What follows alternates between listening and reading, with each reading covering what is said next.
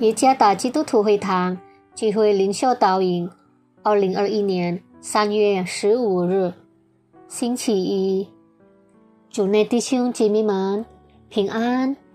今天的领袖导引，我们会借着圣经《约翰福音》第八章第三十一节下半节到三十二节，来细想今天的主题：中心与真理。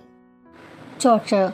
黄小凤传道，《约翰福音》第八章第三十一节下半节到三十二节：你们若常常遵守我的道，就真是我的门徒。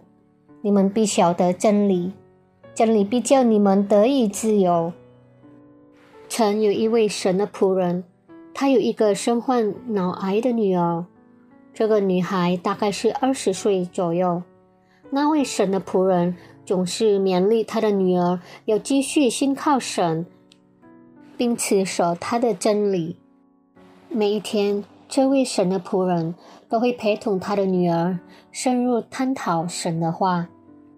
这个女孩透过神的话，生命显得更加坚强。她在极不容易的情形下学习接受事实，她学习根据神的真理。让生命能活得有意义。在与脑癌战斗中，这位女孩仍旧对主与主话忠心，直到她离开世界。其实，在我们日常生活与属灵的生命之间，并没有隔距。跟随耶稣，并不是单单只谈积极性的侍奉，但是日常生活动态也必须顺服基督教信仰的真理。身为神的百姓，我们经常不是在教会中遇到挑战，但是我们的品格、品行是在教会以外而面对挑战。为了要能顺服行走，我们便绝对需要主的带领，因为要在真理中生活，并不是一件容易的事。因此，我们必须时时有神的真理做引导我们的步骤。约翰福音第八章第三十一节下半节到三十二节，这样说：你们若常常遵守我的道，就真是我的门徒。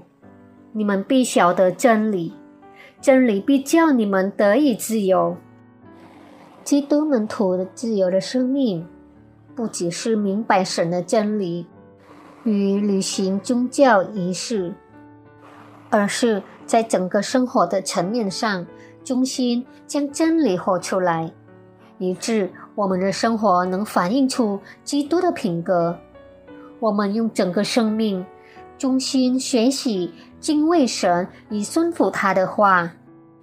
陈佑明牧师说：“一个真正的基督门徒，他不但掌握许多有关神话语的知识，他也愿意让神的真理。”掌控他的生命，因此，基督的门徒即是中心源头。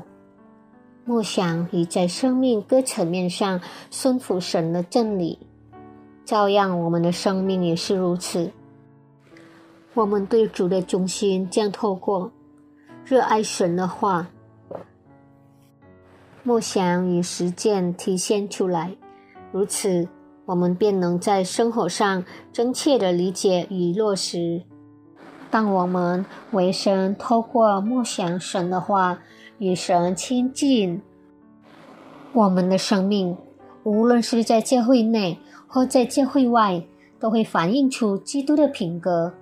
无论生在何处，我们都能流露出基督的品格，让周边的人因而蒙福。真正属灵的生命，乃是忠心默想以顺服神的真理。愿上帝赐福大福大家。